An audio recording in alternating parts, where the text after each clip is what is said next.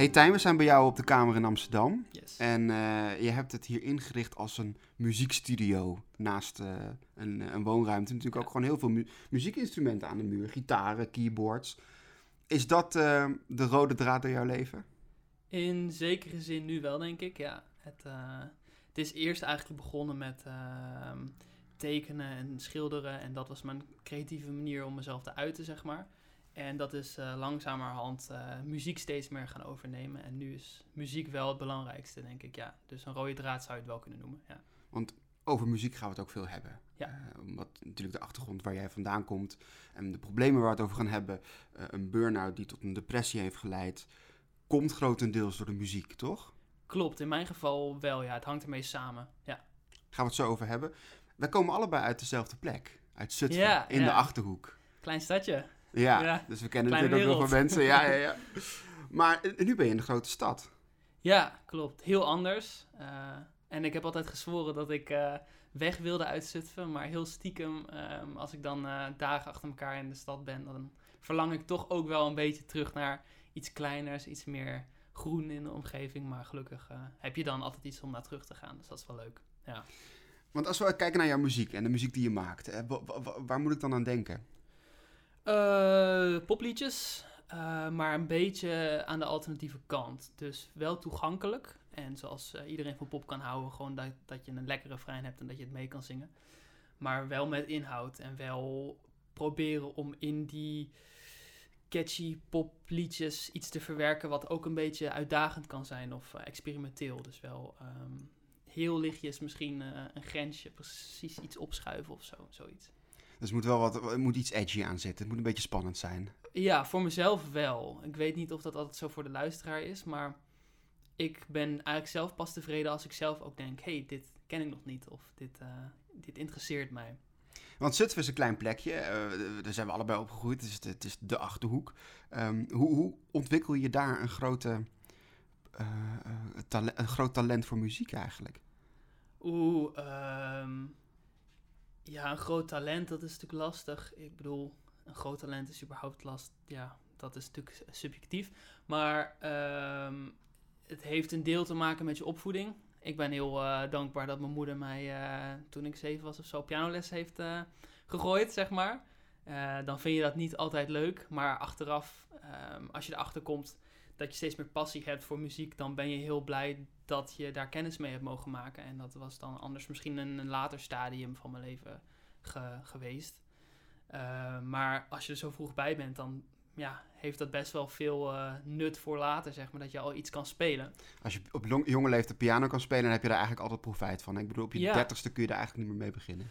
Ook wel, tuurlijk wel. Ehm, maar ja, dan moet je dan beginnen. Dus als je dan op je twintigste al eh, iets zou willen maken, dan moet je eerst nog piano leren. En dat, ik, ik snapte de basis al. Dus voor mij, dat is heel prettig om dan al te weten eh, welke noten zitten. Het geeft overzicht, het geeft rust en het geeft ook efficiëntie in het maakproces.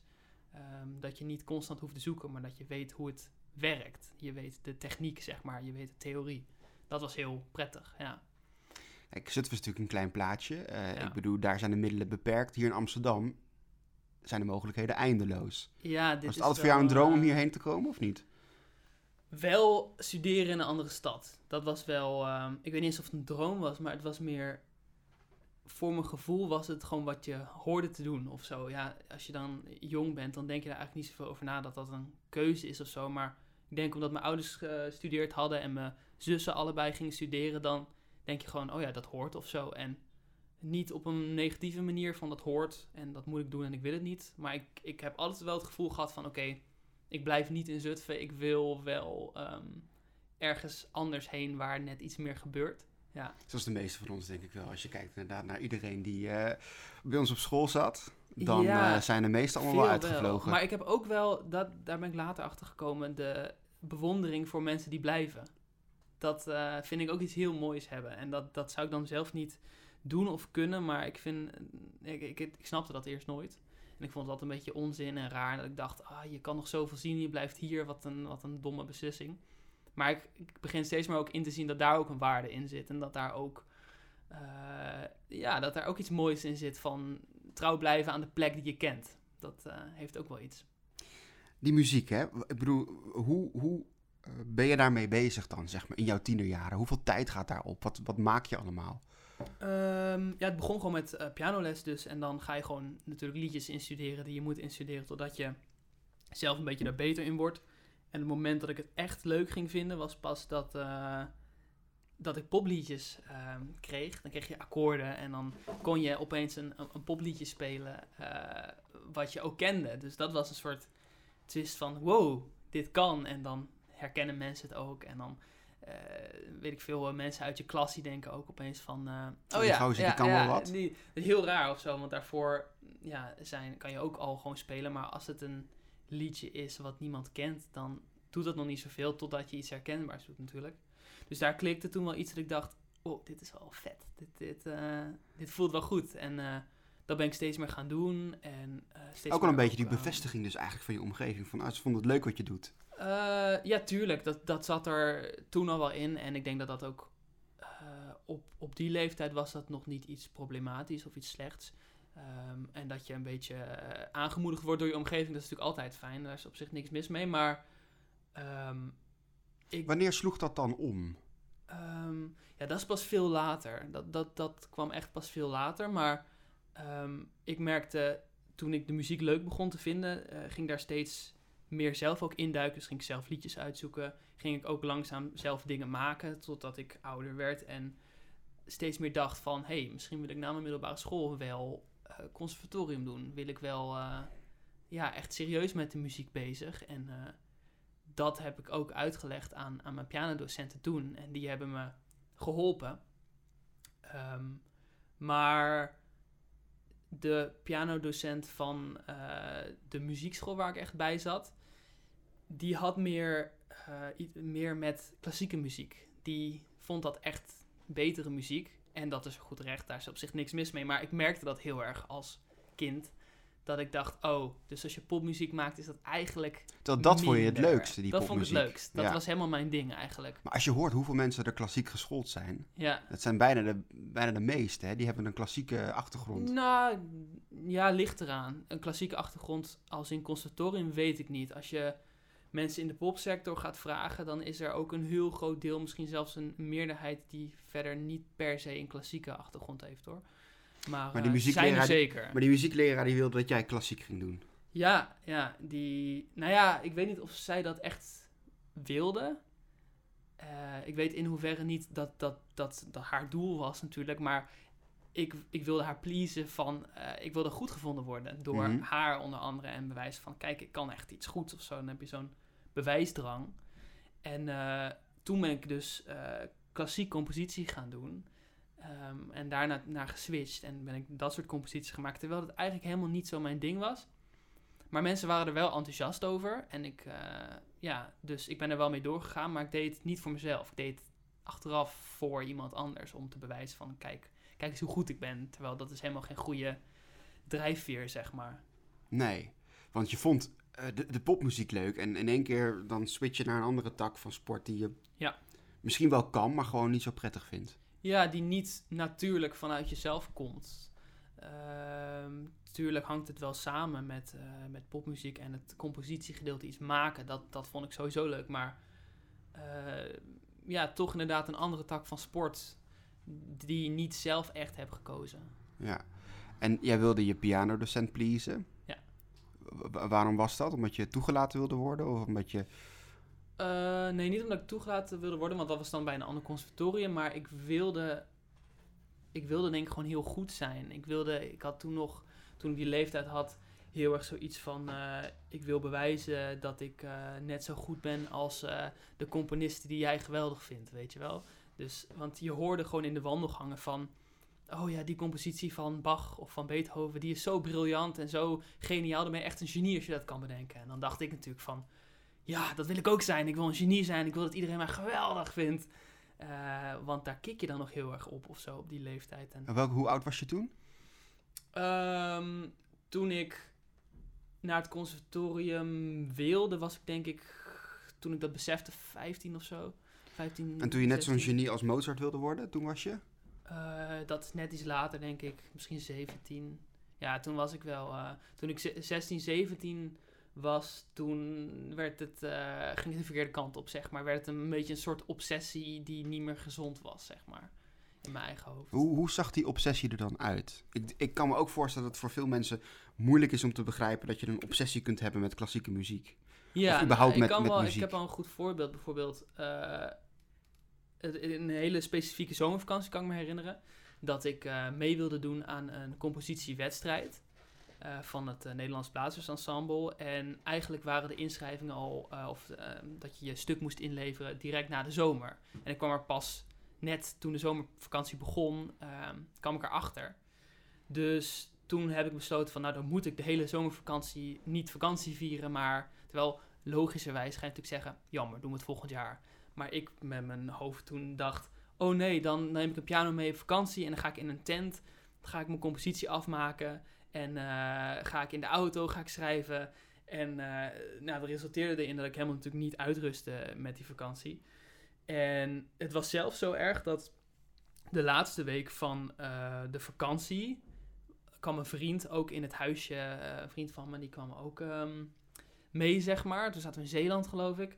En eh, nou, dan gingen we gewoon leuke dingen doen overdag. Dat was allemaal prima. En eh, dan bleef ik ook op totdat hij ging slapen. En als ik wist hij slaapt, sloop ik naar een andere kamer waar mijn piano stond en mijn computer. En ging ik eh, noten leren lezen of solfège-oefeningen doen. Of gehoortraining. eh, om maar beter te worden of aan die compositie werken. Zo obsessed was ik ermee. Terwijl, dat moet je helemaal niet doen in de vakantie natuurlijk. Je moet gewoon je rust pakken. Dat is heel belangrijk. Maar ik snapte toen nog niet dat dat belangrijk was. Ik dacht... oh Maar was goed jij dan dagen, weken bezig om dat soort dingen te leren en om dat... Ja, het kostte mij heel veel maken? moeite om... Kijk, ik wilde natuurlijk naar het conservatorium. Ik wilde naar klassiek compositie. Dat is een bepaalde tak waarbij je gewoon heel goed noten moet kunnen lezen. En dat wordt ook van je verwacht als je toelating doet. Daar word je ook op getoetst, zeg maar. Maar dat kon ik helemaal niet. Dat was helemaal niks voor mij. Dus voor mij kostte dat zoveel moeite om dat onder de knie te krijgen. Omdat ik dat van nature was ik daar helemaal niet sterk in. En dat was ook helemaal niet waar ik sterk in hoefde te zijn of zo. Dat was iets waarvan ik dacht van ja, dat moet ik nu omdat ik deze richting heb gekozen. Maar En toch bleef je het maar proberen en proberen en proberen Ja, om daar beter in te tot worden. ik uiteindelijk wel op de vooropleiding ben toegelaten. Puur is je op- wel gelukt dus. Ja, puur op hard werken. Ik heb echt nul talent voor noten lezen of, of eh solfège, zeg maar. maar dan is hard werken loont dus wel.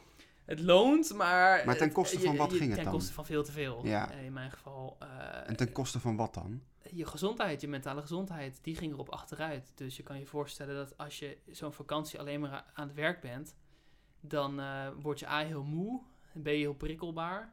En dan heb je nog een heel alfabet van andere dingen erachteraan, eh van klachten die je krijgt. Eh, slecht kunnen slapen, waardoor je weer nog meer moe bent. Dan kan je op een gegeven moment slechter concentreren. Dan word je sneller boos, je emoties ja, werken niet helemaal. Je wordt, tenminste, ik werd een soort van afgestompt, alsof mijn emoties uitgeschakeld werden, zeg maar. Ik, ik werd niet heel verdrietig of dat ik de hele dag moest huilen. Het was bij mij juist eh, afwezigheid van emotie. Dus dat ook als je iets tegen je werd gezegd of een complimentje, het kwam helemaal niet binnen. Dat, eh, ja, iemand En was dat dan ook niet waar jij voor werkte? Want je wilde natuurlijk goed gevonden worden. Ja, Dus als iemand tegen jou zei... Tijn jongen, dat heb jij fantastisch gemaakt. Wat deed dat compliment dan met jou? En dat is dus het kromme. Dat deed dan niks met me. Dus je bent voor een soort voldoening aan het werken die je nooit gaat voelen. Eh, dus je bent alleen maar aan het geven, aan het geven, aan het geven. En je kan niet eens voelen als je een compliment krijgt van... hé, hey, je hebt het goed gedaan. Dat, dat registreer je dan niet. Of dan, je bent alleen maar zo in een, in een vechtmode van... eh, ja, ik ga bewijzen dat ik het kan en ik, ik wil geweldig zijn. Dat, ehm, ja, dat als je iemand oprecht een compliment hoort geven of zeggen van... hé, hey, goed gedaan man. Dan denk je, oh ja, ja het zal wel. En door, En door. daar deed je het eigenlijk voor. Terwijl ja, je werkt dus voor een, voor een eh, erkenning die je nooit gaat voelen. Maar waar denk je dat die bewijsdrang vandaan kwam? Wat moest je bewijzen? Oeh, ehm, ik denk dat ik gewoon heel goed... Ik wilde gewoon... Ja, ik denk dat ik toch van mezelf eh, onzekerder ben dan ik dacht achteraf. En dat ik gewoon... Dat dat mijn manier was om in de smaak te vallen bij, bij mensen of zo. Dat dat mijn, mijn ding was waardoor mensen mij eh, leuk zouden vinden. Want je wil natuurlijk niks liever dan leuk gevonden worden, zeker als kind. Ehm, en dan vind je zo je manier waar je dan goed in bent. En als je merkt dat mensen daar dan eh, ja, goed op reageren, dan denk je, oh, nou, dan moet ik dat misschien vaker doen. En als dat uitgroeit tot iets wat ongezond is, dan is het natuurlijk heel eh, schadelijk. Ja. Je leest natuurlijk ook veel hè, over inderdaad eh, de leeftijd waar we het natuurlijk over hebben. 18, 19, 20, uh, studenten. Ehm, die leven onder een enorme prestatiedruk. Ja. Ik geloof dat 70% of zoiets, die Ja. geeft aan dat ze daar echt last van hebben. Eh, is dat ook iets wat jij, ehm, wat jij in je omgeving ziet? Dat meer mensen van die prestatiedruk last hadden? Ja, nou, dat is natuurlijk een andere eh, factor die heel erg heeft meegewerkt, die je onbewust meekrijgt, is gewoon hoe onze maatschappij is ingericht. En, ehm, ja, Want de maatschappij verwacht ook hard werken van jou. Nou, hè? daarom. En zelfs al word je opgevoed met het idee, hé, hey, het is allemaal prima, onbewust krijg je toch mee, ehm, als je niks doet, ben je lui.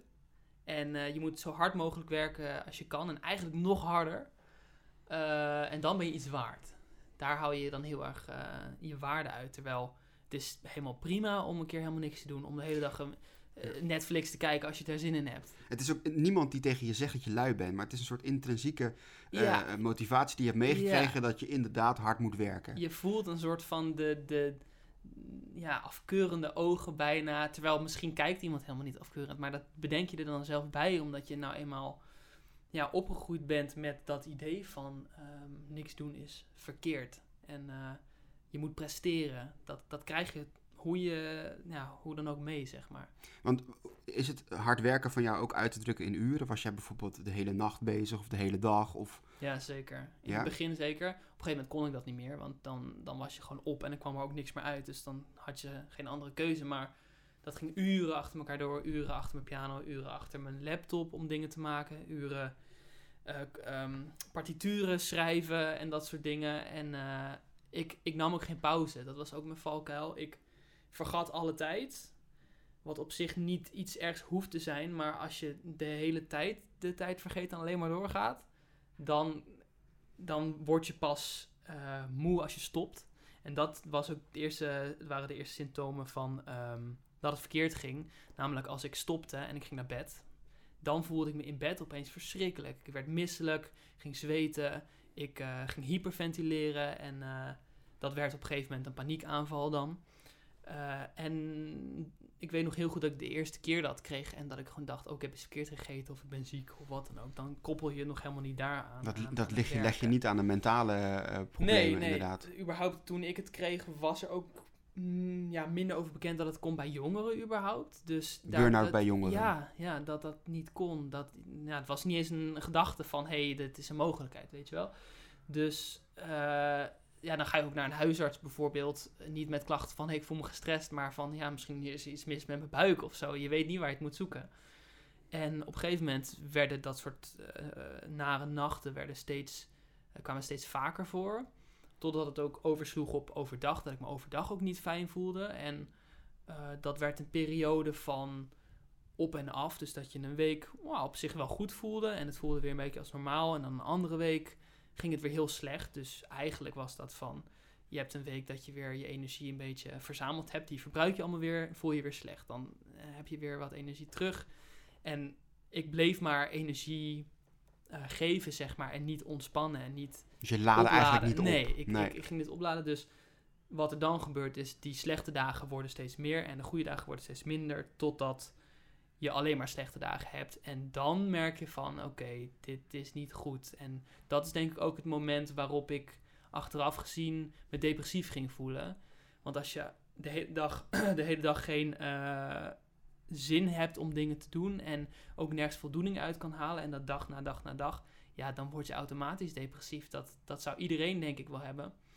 Want bij jou, even voor de duidelijkheid, dus je, je, je- je was bezig met klassieke muziek, Ja. componeren wat je eigenlijk niet zo leuk vond. Ja.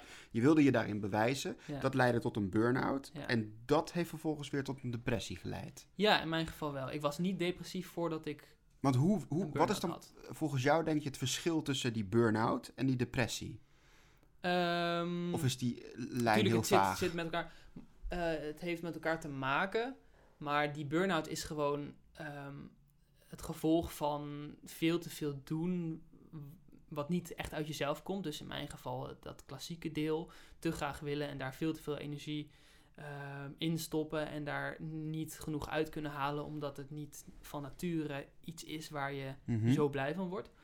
Ehm, nou, dan verspil je energie, dan eh, ben je die kwijt en dat resulteert dan in een burn-out. Dus het, het- de afwezigheid van energie, van eh, levenslust. Eh, en dat resulteert dan inderdaad in die depressie. Dat je je door die moeheid, ja, moeheid is misschien niet eens het goede woord, door die uitputting, ga je automatisch... Ga je daar ook geen zin meer in krijgen? Nee. En, en dan is de glans van, van je dagen is ook natuurlijk weg. Want je, ja, als je alleen maar zin hebt om in bed te liggen, dan, dan heb je ook niet het gevoel van... hé, hey, wat een mooie dag, eh, wat schijnt de zon mooi of zo. Dus, En denk je dan achteraf slapen. van, ik had eigenlijk eerder hulp moeten zoeken? Ehm, Dat heeft zo lang door kunnen pruttelen. Ja, nou, het had efficiënter gekund. Omdat het zo'n zoektocht was. Want je om- niet wist wat het was. Nee, A, wat ik niet wist wat het was. Toen ik meer doorkreeg wat het was, was het nog een, een zoektocht om een, om een, eh, psycholoog te vinden. Eh, en om ja, te zeggen tegen je ouders, ik denk dat ik een psycholoog nodig heb, is natuurlijk ook wel een stap. Ja, was dat moeilijk voor je? Dat voelde als een stap. Achteraf ging dat eigenlijk... Want hoe eh, reageerden jouw ouders daar dan op? Ehm, nou, ze schrokken denk ik. En, en het is ook eng om te vertellen of zo als kind, omdat je niet het gevoel wil geven dat zij iets verkeerd hebben gedaan, waardoor je deze burn-out nu hebt. Dus je wil ze niet kwetsen daarin. Dus dan denk je ook van, oh, als ik nu zeg dat ik, dat ik eigenlijk met een psycholoog eh, wil praten en dat ik dat nodig heb, dan gaan ze misschien denken dat zij iets verkeerd hebben gedaan of dat zij iets beter hadden kunnen doen. En dat is totaal niet waar. Ehm, Hadden zij het achteraf bij jou door? Dat je ja, te hard werkte? dat ik te hard werkte, misschien niet, want dat deed ik eh, ook in het geheim, zeg maar, een beetje. En dat zagen ze ook niet altijd, want ja, dan, je, ik was altijd op mijn kamer, dus ja, dan, dan heb je dat niet zo goed door. Maar dat, dat mijn humeur veranderde en dat ik steeds somberder werd, tuurlijk, dat hebben ze echt wel doorgehad. En achteraf heb ik het ook met mijn ouders over gehad, hoe goed zij konden merken als ik weer een goede week had en als ik weer een slechte week had. Dus dat is wel heel, eh, heel grappig dat ze dat ook zo goed konden zien. Maar voor andere mensen in mijn omgeving kon ik het ook heel goed doen alsof er niks aan de hand was. Dat was ook een beetje mijn probleem, denk ik. Dat ik mooi weerspeelde naar heel veel mensen. Om, eh, omwille van gewoon sociaal zijn en het leuk houden. Maar dat je dan dus eigenlijk niet laat merken hoe het echt met je gaat. En dat mensen ook niet denken van, oh, iemand heeft me nu nodig of heeft hulp nodig. Dus eh, dan ja, duw je eigenlijk alle steun die je kan krijgen bij je weg. Omdat je niet zegt, hey, het gaat even niet goed met me. Dus Ehm, maar voor, voor, de, ja, voor hulp zoeken, professionele hulp zoeken, dat duurde wel Ja, je zegt Te het was best, een, was best een zoektocht. zeker. Want hoe, ja. hoe, hoe kwam dat, denk je? Wa- Was het, wa- waren er wachtlijsten toen? Of, of was het vooral moeilijk om te begrijpen wat er nou eigenlijk aan de hand was? Ja, het was heel veel verschillende dingen. Ehm, in eerste instantie dus begrijpen wat er met je aan de hand is. En eh, denken van, oh, dit kan wel eens een burn-out zijn. Dus vandaar dat ik eerst naar de huisarts ging met andere klachten eh, die gelinkt zijn aan de burn-out. Ehm, maar die zijn soms ook zo persoonlijk dat, dat dat niet per se in het algemene beeld van een burn-out valt. Dus daar, ja, dat zegt ook niet meteen van, oh, als, als een huisarts dat ziet van, oh ja, ik weet het, je hebt een burn-out als je buikpijn hebt. Nee, natuurlijk niet. Want je zei ook net, hè, het, is- het komt niet zo vaak voor. Of tenminste, men dacht toen Bij dat het niet zo vaak voorkomt nee, bij jongeren. Nee, nee, dat is wel anders gebleken inderdaad. Maar En nu blijkt inderdaad hoeveel jongeren ermee kampen ja, eigenlijk. ja, dus dat is wel eh, heftig om te beseffen dat het van zo jong al eh, zoveel impact eh, heeft. Zeg maar de druk die we, die we onszelf en elkaar opleggen. Ehm, maar ja, als je dan gaat zoeken van ik, ik wil beter worden, dan is natuurlijk ook de vraag, ja, je kan geen pil nemen en je hebt geen gebroken been. Dus je kan niet zeggen, nou doe de gips omheen en dan wacht ik even met, eh, met lopen en dan komt het weer goed. Dus ja, zeg het maar, hoe, hoe, hoe kan ik beter worden? Ik wist het echt niet. En het erg is ook dat je gaat oplossingen voor jezelf proberen te vinden in die burn-out, wat natuurlijk absurd is, want je kan überhaupt niet helder nadenken. Wat zijn dan oplossingen die je voor jezelf bedacht had? Oh, dat weet ik niet precies meer wat ik allemaal dacht. Maar dat je de illusie hebt dat je zelf nog helder na kan denken en je eigen situatie kan inschatten. Dat was een totale illusie natuurlijk. Want ik, ik was zo ver weg in mijn hoofd dat ik helemaal geen helder beeld had van wat er nou verkeerd zat en waar, waar het probleem zat bij me. Dat kan pas veel later eigenlijk. Als je, als je een beetje beter wordt, dan krijg je pas overzicht van... oh, dit zijn de patronen die, die fout zijn... en dit is waar het is fout gegaan en hoe ik er ben ingerold. Want eigenlijk jouw lichaam geeft een signaal af. Die zegt, die oude patronen van jou, dat werkt gewoon niet. Nee. Maar ja, begrijp maar eens inderdaad wat jouw lichaam jou probeert te zeggen. Je, je moet dan volgen van, oké, je voelt wel heel duidelijk dat er iets mis zit. En dan moet je uit gaan zoeken waar dat dan zit en waar het aan ligt. Maar daar had je wel iemand bij nodig. Iemand moest jou bij de hand nemen en zeggen van, joh... Ja, want je hebt zo hard iemand nodig dan die uh, nuchter ernaar kan kijken. Omdat je zelf zo, zo er middenin zit, kan je niet objectief uh, naar jezelf kijken en denken, oh, ik doe dit verkeerd en dit heb ik nu nodig. Je hebt echt iemand nodig die zegt van, tenminste, ik had echt iemand nodig die, die zei van, um, ik had behoefte aan iemand die zei van, nou, als je deze stappen onderneemt, dan word je misschien iets beter en dan kan je weer rustig misschien, wat, word je wat helderder in je hoofd en dan kan je je situatie beter inschatten en dan krijg je meer overzicht. Um, maar dat duurde heel lang voordat ik... Uh, is er uiteindelijk iemand geweest die jou echt goed bij de hand kon nemen en jou daarin kon helpen? Deels, ja, deels wel. Um, er is iemand die um, bijvoorbeeld, ik kon, ik kon niet huilen. Ik zat helemaal vast, ook in mijn emoties. Dus um, ik ging dan naar een psycholoog en ik met mijn soort van eigenwijze hoofd dacht van... Ja, maar ik ga echt niet huilen bij een psycholoog, want dat is zo cliché, weet je wel. Dat is precies wat ze wil, dus dat ga ik dan niet doen. Uh, dus ik zat daar dan en dan werd het emotioneler, maar ik, ik voelde überhaupt niks, dan sloot ik gewoon af. Totdat ik een keer heb laten vallen van ja, ik zou op zich wel willen huilen, maar het lukt geloof ik gewoon niet. En toen heeft zij dat een beetje opgepakt als, oh, ik kan wel iets proberen. Dus dan ging ze meer op het gevoel. En in het moment voelde dat super ongemakkelijk, omdat ik dacht, ja, je bent nu proberen om me te laten huilen. Um, maar achteraf uh, brak er dus wel iets. Al voelde het wel een beetje geforceerd en onnatuurlijk. Er brak wel iets door. En daar heb ik later heel veel aan gehad. Want ik weet nog een keer dat ik thuis kwam. En dat ik, uh, ik was toen op zoek naar een andere studie, omdat ik het conservatorium uh, had gedacht van nou dat is hem dan niet voor mij. En dat was wel een teleurstelling, maar ik dacht ik moet iets anders doen. Toen was ik naar een open dag van kunstdocent, uh, de opleiding kunstdocent worden. En nou, dat was een ook niet. En dat was ik zo teleurgesteld over. Dat ik dacht, ja, wat moet ik dan? Ik was helemaal in de stress. kwam ik thuis, ben ik, niet eens gedacht gezegd tegen mijn ouders, ben ik gelijk naar mijn kamer gelopen, op bed gaan liggen. En toen voelde ik me niet zo goed. En toen uh, kwam mijn moeder binnen en die zei, hoe ging het? En toen kwam ze naast me zitten en toen uh, zei ik van, ja, het ging niet. En alleen dat of zo, het ging niet, dat brak me toen wel echt natuurlijk en volledig. Dus toen heb ik echt, toen brak er opeens iets open en kwamen er super veel emoties uit en moest ik ook echt super hard huilen. Ik heb geloof ik nog nooit zo hard gehuild in mijn leven. Uh, maar dat was juist heel fijn. En toen dacht ik achteraf wel van, ik denk als ik dat moment met die psycholoog niet had gehad, dan was ik ook niet daar ge gebroken. Had ik niet daar was Zij daar breekt eigenlijk bij jou een muurtje open dan. Een klein, een, een tegeltje zeg maar. Ja. Dat uh, barst even en toen kon ik zelf de, Misschien een hele persoonlijke vraag, maar wat moet iemand tegen jou zeggen om bij jou te laten breken? Oeh, wat was dat? Um, ja, ik denk bij mij was het misschien iets in de trant van, van je bent uh, goed genoeg of zo, zoiets. Ze zijn aardige dingen tegen je. Ja, ik denk dat dat, dat de kern wel is. Dat als iemand aardige dingen zegt, dat dat me meer raakt. Ja, dat, dat, dat me eerder zou laten die huilen dan als iemand iets naars tegen me zegt. Die complimentjes die je nodig had, die kwamen van haar en die... Ja, ja. Of, of dat, het, dat je niet zo zelf hoeft te bewijzen. Dat je het daar niet zo druk over hoeft te maken. Maar dat het in de kern gewoon al goed zit als je, je jezelf bent, zeg maar. Ja, het klinkt allemaal een beetje cliché natuurlijk, maar... Uh, dat is het in de kern natuurlijk wel. Van, um, als je het gevoel hebt dat je je moet bewijzen, dan is er iets in jezelf waarvan je denkt, oeh, dat is misschien niet goed genoeg. Dus dan, dat moet ik uh, dan compenseren met iets wat ik goed kan, of waar ik in uitblink, of carrière, of wat dan ook. En als iemand dan zegt, nee joh, die carrière, dat, dat hoeft eigenlijk helemaal niet. Je bent al los van die carrière goed genoeg. Ja, dat raakt je dan wel natuurlijk. Dus uh, ik denk dat het, dat het in die, uh, ja, daarin zat. Zo interessant. Ik wist niet dat dat zo werkte. Maar je boekt natuurlijk inderdaad uh, successen met je, met je psycholoog.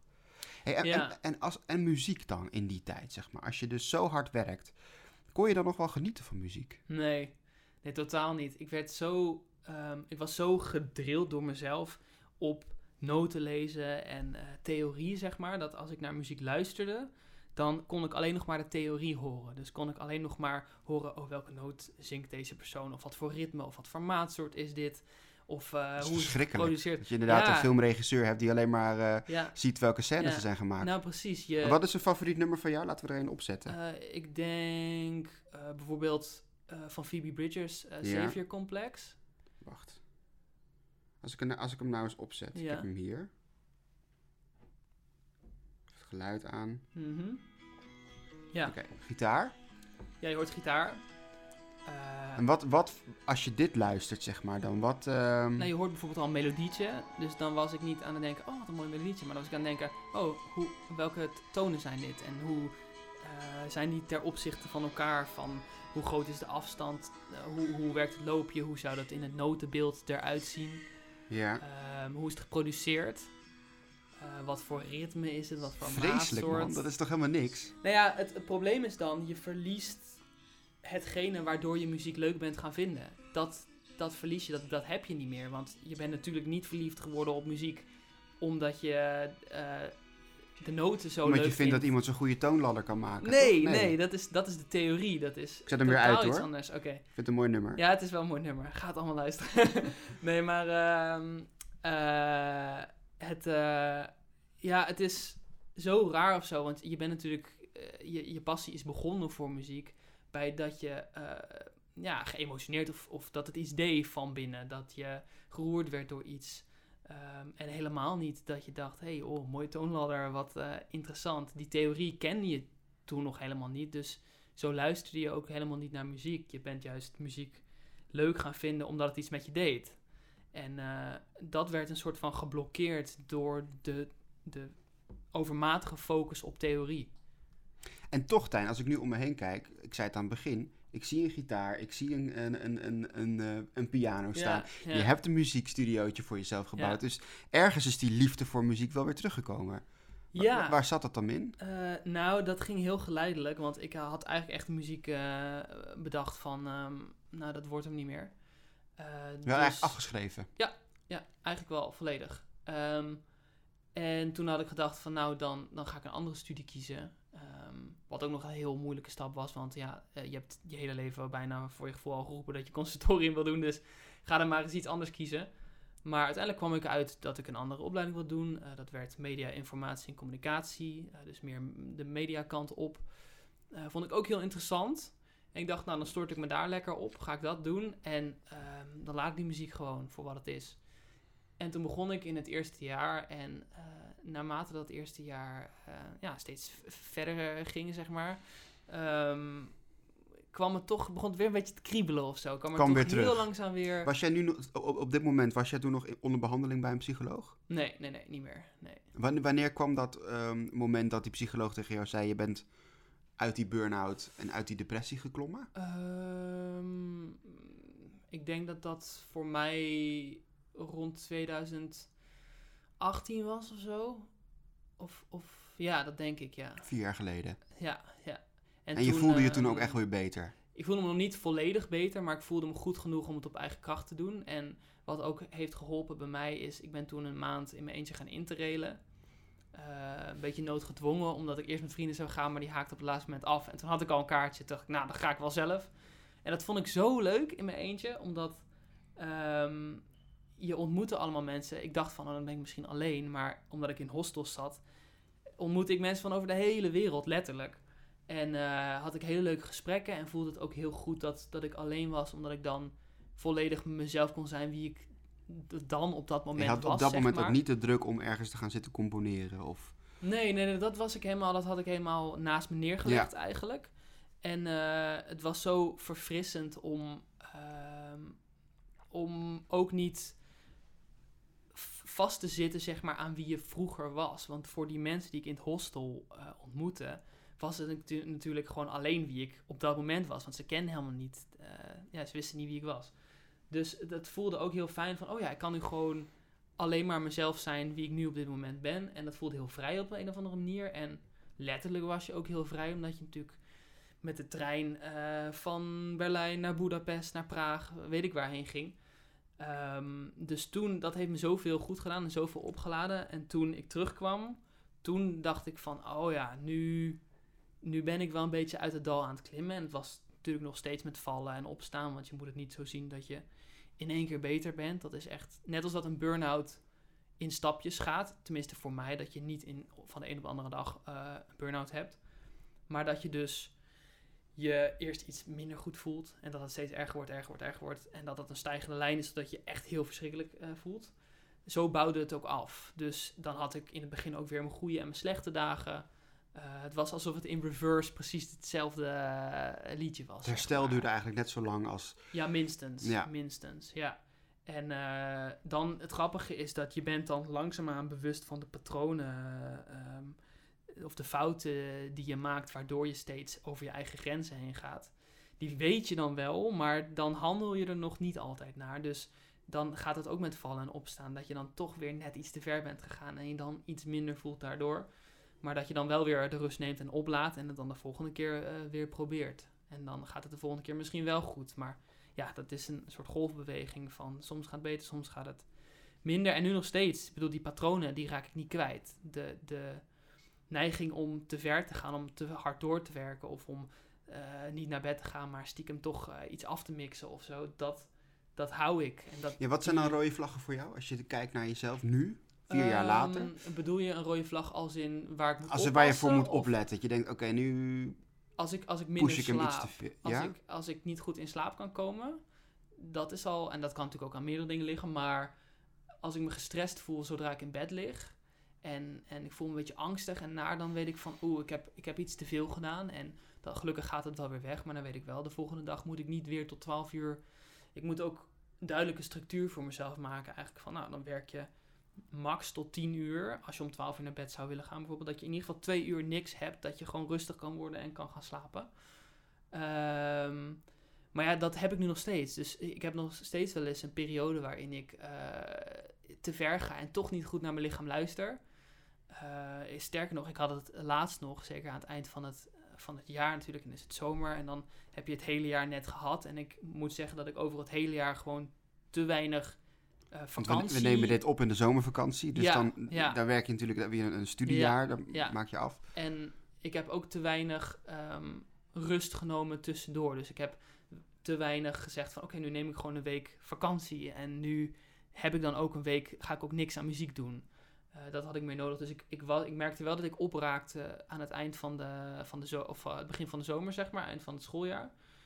En dan moet ik mezelf ook dwingen om dan muziek te laten, dat te gewoon zeggen van, nou, die gitaar hangt nu bijvoorbeeld in mijn kamer. Maar die raak ik even niet aan bewust. Omdat ik weet, ik moet er even afstand van nemen. Omdat als ik dit wel ga doen, dan ga ik er weer de hele tijd over nadenken. En dan ben ik voor ik het weet weer een nieuw liedje aan het schrijven. En dat is juist niet wat ik nu moet doen.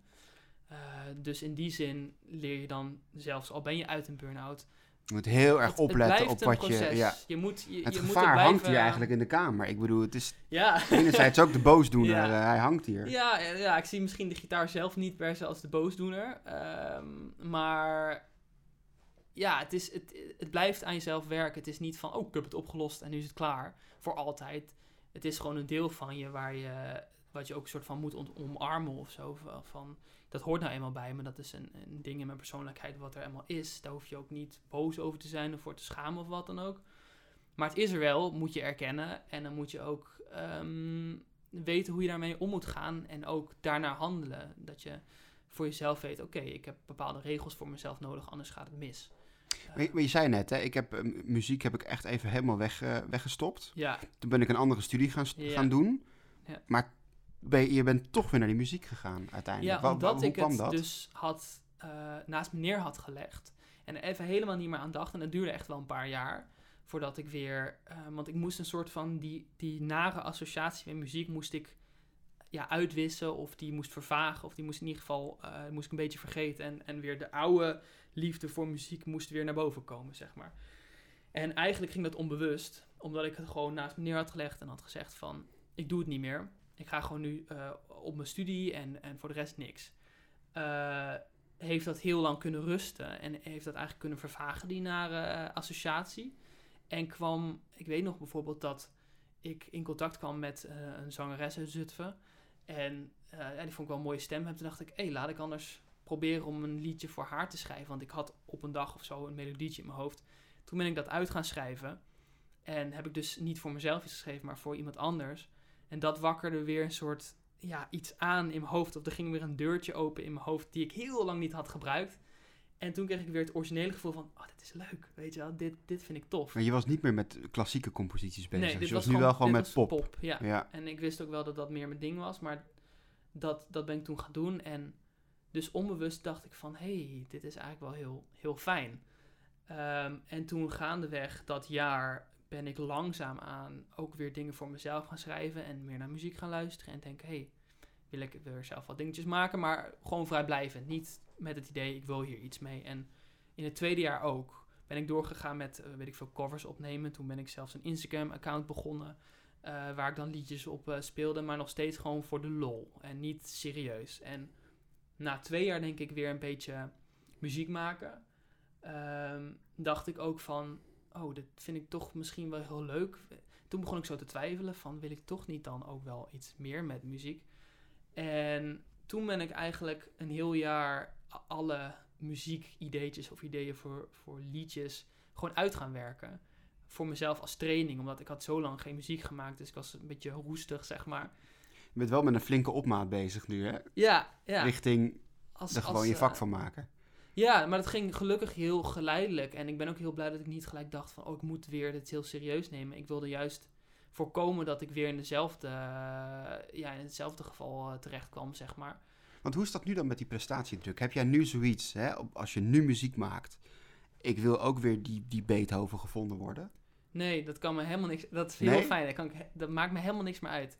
Omdat ik weet dat ik er niet ben. Omdat ik weet dat, dat er is vast een eh, nieuwe Beethoven... en die moet dat zeker doen. Maar die is dat, weet je wel. Dus die probeert ook niet iets anders te zijn dan Dus je hebt nu niet is. meer die druk van... Ik wil dat mensen mij echt fantastisch vinden. Nee, dat ook niet. En dat is ook heel prettig, want ik weet dat het daar ook niet in zit. Waar zit het hem dan in? Het zit gewoon in, in hoe je bent. Eh, tegenover mensen, sociaal. En mensen kunnen je misschien heel, eh, heel op gaan hemelen omdat je heel goed kan spelen. Maar dat is uiteindelijk niet waar je echt vriendschap of liefde van krijgt, zeg maar. Dat, dat zit meer in, in jezelf of in je persoonlijkheid en hoe je naar mensen bent of wat je voor mensen doet. eh, ja, in je gedrag en in je, je persoonlijkheid. En, en daar haal je het uiteindelijk ook uit. En het is natuurlijk fijn als mensen, weet ik veel, als je op een podium staat, mensen klappen voor je. Maar dat is een soort shot van ego-boost, denk ik. Dat is, dat is vast, als je het gaat onderzoeken, een soort dopamine stoot in je, in je hoofd of iets dergelijks. Maar dat is, dat is niet de echt organische, eh, ja, waar je het voor moet doen, zeg maar. Dat is niet de kern, eh, ja, wat je uitgangspunt moet zijn. Het is, ook een- het is niet een inzicht wat iedereen meteen heeft, dit, hè, wat jij zegt. Ja, dat, dat, dat denk ik niet, nee. Maar ik hoop wel dat daar ook heel veel mensen zijn die dat wel hebben. Want het is zo zonde als je heel lang iets probeert te doen waar je uiteindelijk van denkt: oh ja, dit, ja, dit, die, dit is niet waar ik de voldoening mee krijg, waar ik behoefte aan heb. Die krijg je door eh, hele andere dingen. Maar wil, wil je nu wel met muziek, zeg maar, wil je daar nu wel je vak van maken? Ja, dat is dus het rare. Eh, ik had het dus echt, echt afgeschreven. Ik dacht echt, dit wordt niks meer. En door die jaren het langzaam weer een beetje aan proeven. En mezelf weer opdrachten geven van, oh, schrijf gewoon een heel jaar eh, elk liedje wat in je opkomt. En dat je weer traint, dat je denkt, oh, dit zit, dan ga je er zo diep weer induiken. Dat je denkt, oh, er zit zoveel, zitten zoveel lagen in muziek, zeg maar, die je kan onderzoeken. En zoveel verschillende stijlen die je wil uitproberen. Dus na, na dat jaar, ehm, ja, een heel jaar muziek maken naast mijn studie, zeg maar, had ik weer zoiets van, oké, ik denk, ik, ik had een zomer toen, dacht ik van, oké, nu moet ik ook een beetje de knoop doorhakken. Wil ik dit nog echt een keer een kans geven? Of laat ik dit aan me voorbij gaan en blijft het gewoon mijn hobby? En toen ging ik echt, ik heb echt heel lang nagedacht daarover van, moet ik dit echt doen? Want ik was ook bang dat het weer zou resulteren in een nieuwe burn-out natuurlijk. Uh, maar ik wist toen van, ik, ik, ken mezelf nu beter en ik weet waar ik voor op moet passen. Dus um, de kans is veel kleiner dat ik daar weer in terecht kom, omdat ik mezelf beter ken. En ik zou het mezelf ook niet vergeven als ik het niet nog een keer zou proberen, want het voelde... Er zit wel een stukje nu... prestatie... Uh... Nou, het voelde nu niet meer als prestatie. Het voelde als organisch, dit wil ik doen, niet voor anderen, maar voor mezelf. Omdat ik het voor de muziek zelf, voor de passie die ik voor muziek voel. En niet voor ik wil geweldig gevonden worden en ik wil eh, aandacht van mensen of zo. En ik hoop ook dat als ik nu muziek maak, dat mensen niet denken van, oeh, hij staat op een podium of zo om, om aandacht te krijgen, zodat iedereen naar hem kijkt en applaus geeft. Maar dat, ze, dat het meer andersom is van, ik, ik voel heel veel bij deze muziek en ik hou er zoveel van. En dat wil ik heel graag ook geven of zo, of delen. Andere motivatie zit daar Totaal andere. Ja, eh, ja. Je doet hetzelfde, maar de, de motivatie of de drijfveer is totaal anders. Je hebt net Ja. een nieuw album uit, toch? Album, eh, een, eh, een single. single, ja, sorry. Ja, ja. Een liedje, ja. Ja, dus nee, ik ben echt heel dankbaar en heel blij ook dat het weer terug is gekomen, die oude liefde voor muziek, zeg maar. Want ik was echt bang dat ik hem voor altijd kwijt was. En ik dacht ook in die burn-out van, dit, eh, dit is de rest van mijn leven. Zo, en ik kom hier nooit meer uit en het wordt nooit meer hetzelfde. En het wordt ook misschien niet hetzelfde, eh, want het verschil is dat eerst had je eh, een leven zonder dat je überhaupt wist dat een burn-out was. En daarna heb je een leven met eh, een klein trauma van de burn-out. En eh, ja, gewoon eh, het gevoel van, oké, ik weet dat dit me is overkomen. Dus dat is wel een verschil. Maar je komt er juist ook beter uit. Want die, die eigenschappen waardoor je in de burn-out bent gekomen, die had je toch al. Tenminste, dat, dat, ik denk ook bij mij, dat was er later ook uit. Ik had het niet kunnen voorkomen. Dat was er sowieso uitgekomen, want die bewijsdrang zat er gewoon. Dus aan de ene kant kom je er wel met eh, wat schrammen en eh, littekens eh, weer uit. Maar je komt er ook uit met heel veel kennis over jezelf, die je echt heel hard nodig hebt, ook voor later in je leven. Omdat eh, je hebt een bepaalde eigenschap waar je mee moet omgaan. En die kennis hoe je ermee moet omgaan, die heb je wel door die En burn-out. wat zijn dan inzichten dat je denkt, zo, dat, dat, dat zijn echt handvatten waar ik die burn-out mee uit ben gekomen en die depressie? Eh, nou, heel goed bij jezelf nagaan eh, hoe je energie is en niet het negeren. Dus niet alsmaar doorgaan en ehm, denken van, oh, als ik het negeer, dan verdwijnt dat nare gevoel wel. Dat, dat verdwijnt niet. Je moet juist als je je vervelend voelt of uitgeput voelt of heel moe voelt of in mijn geval slecht kan slapen of zo, serieus nemen en denken van, oh, dit is, dit is eh, een, nou, een red flag, zoals je zei. Ehm, en, en hier moet ik nu iets mee doen. Hier moet ik eh, antwoord op geven. Dus als ik dan bijvoorbeeld heel een aantal nachten slecht achter elkaar slaap en ik voel me gestrest, dan weet ik nu van ik moet echt even mijn rust pakken. Dus dan ga je bijvoorbeeld nee zeggen tegen eh, een, een, een keer uitgaan tot zes uur s avonds. Dat moet je dan aan je voorbij laten gaan. Doet heel veel pijn. Het is heel moeilijk of zo om dat dan te doen. Maar je moet het wel doen om, voor je eigen bestwil. Omdat je weet dat, het, dat je er dan weer beter uitkomt. En dat je dan wel weer een dag hebt dat je er wel zin in hebt. Of dat je wel Dus, weer. dus kan luisteren naar signalen die je leven geven, Ja. eh, eh, die je lichaam geeft en ehm, grenzen aangeven.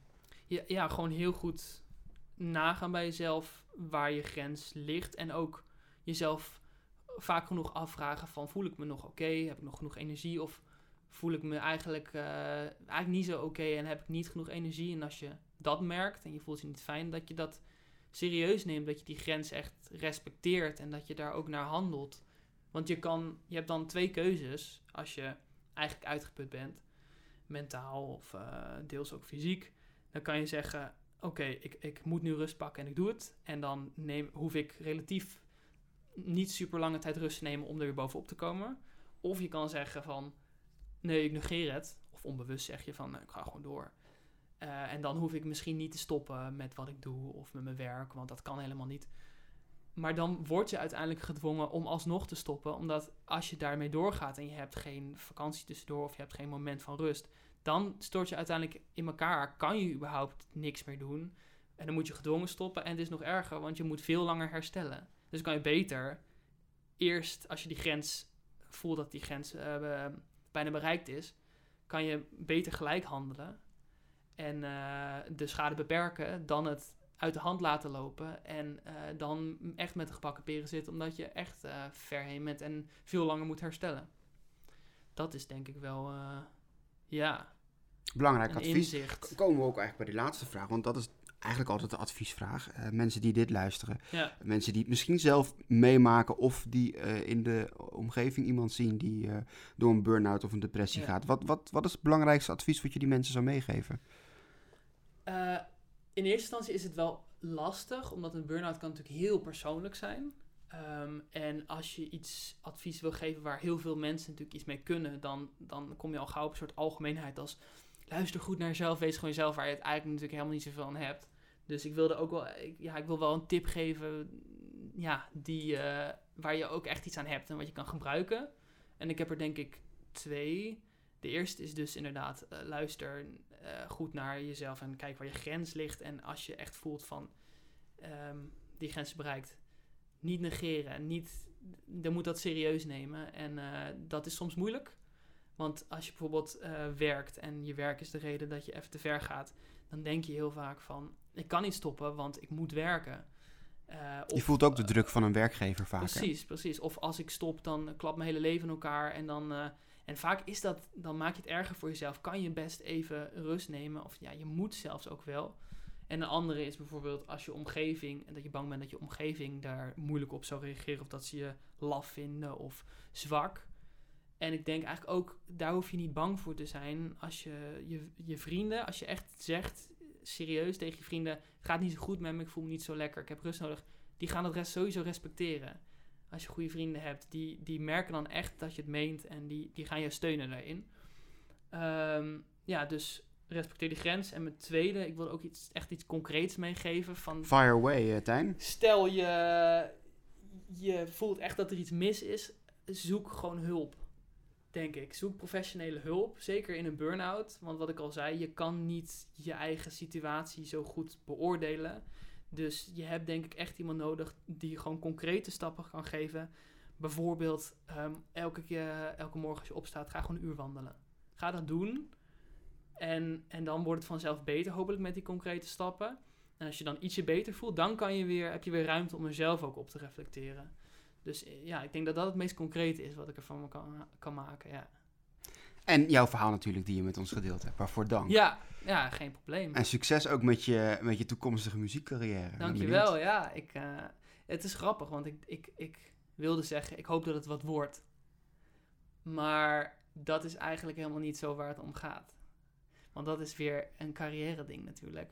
Dus ik zou eerder zeggen van, uh, ik hoop dat ik er uh, nog evenveel plezier van kan hebben, zolang uh, als mogelijk is. Waarvan akte. Dankjewel, Tijn. Jij bedankt.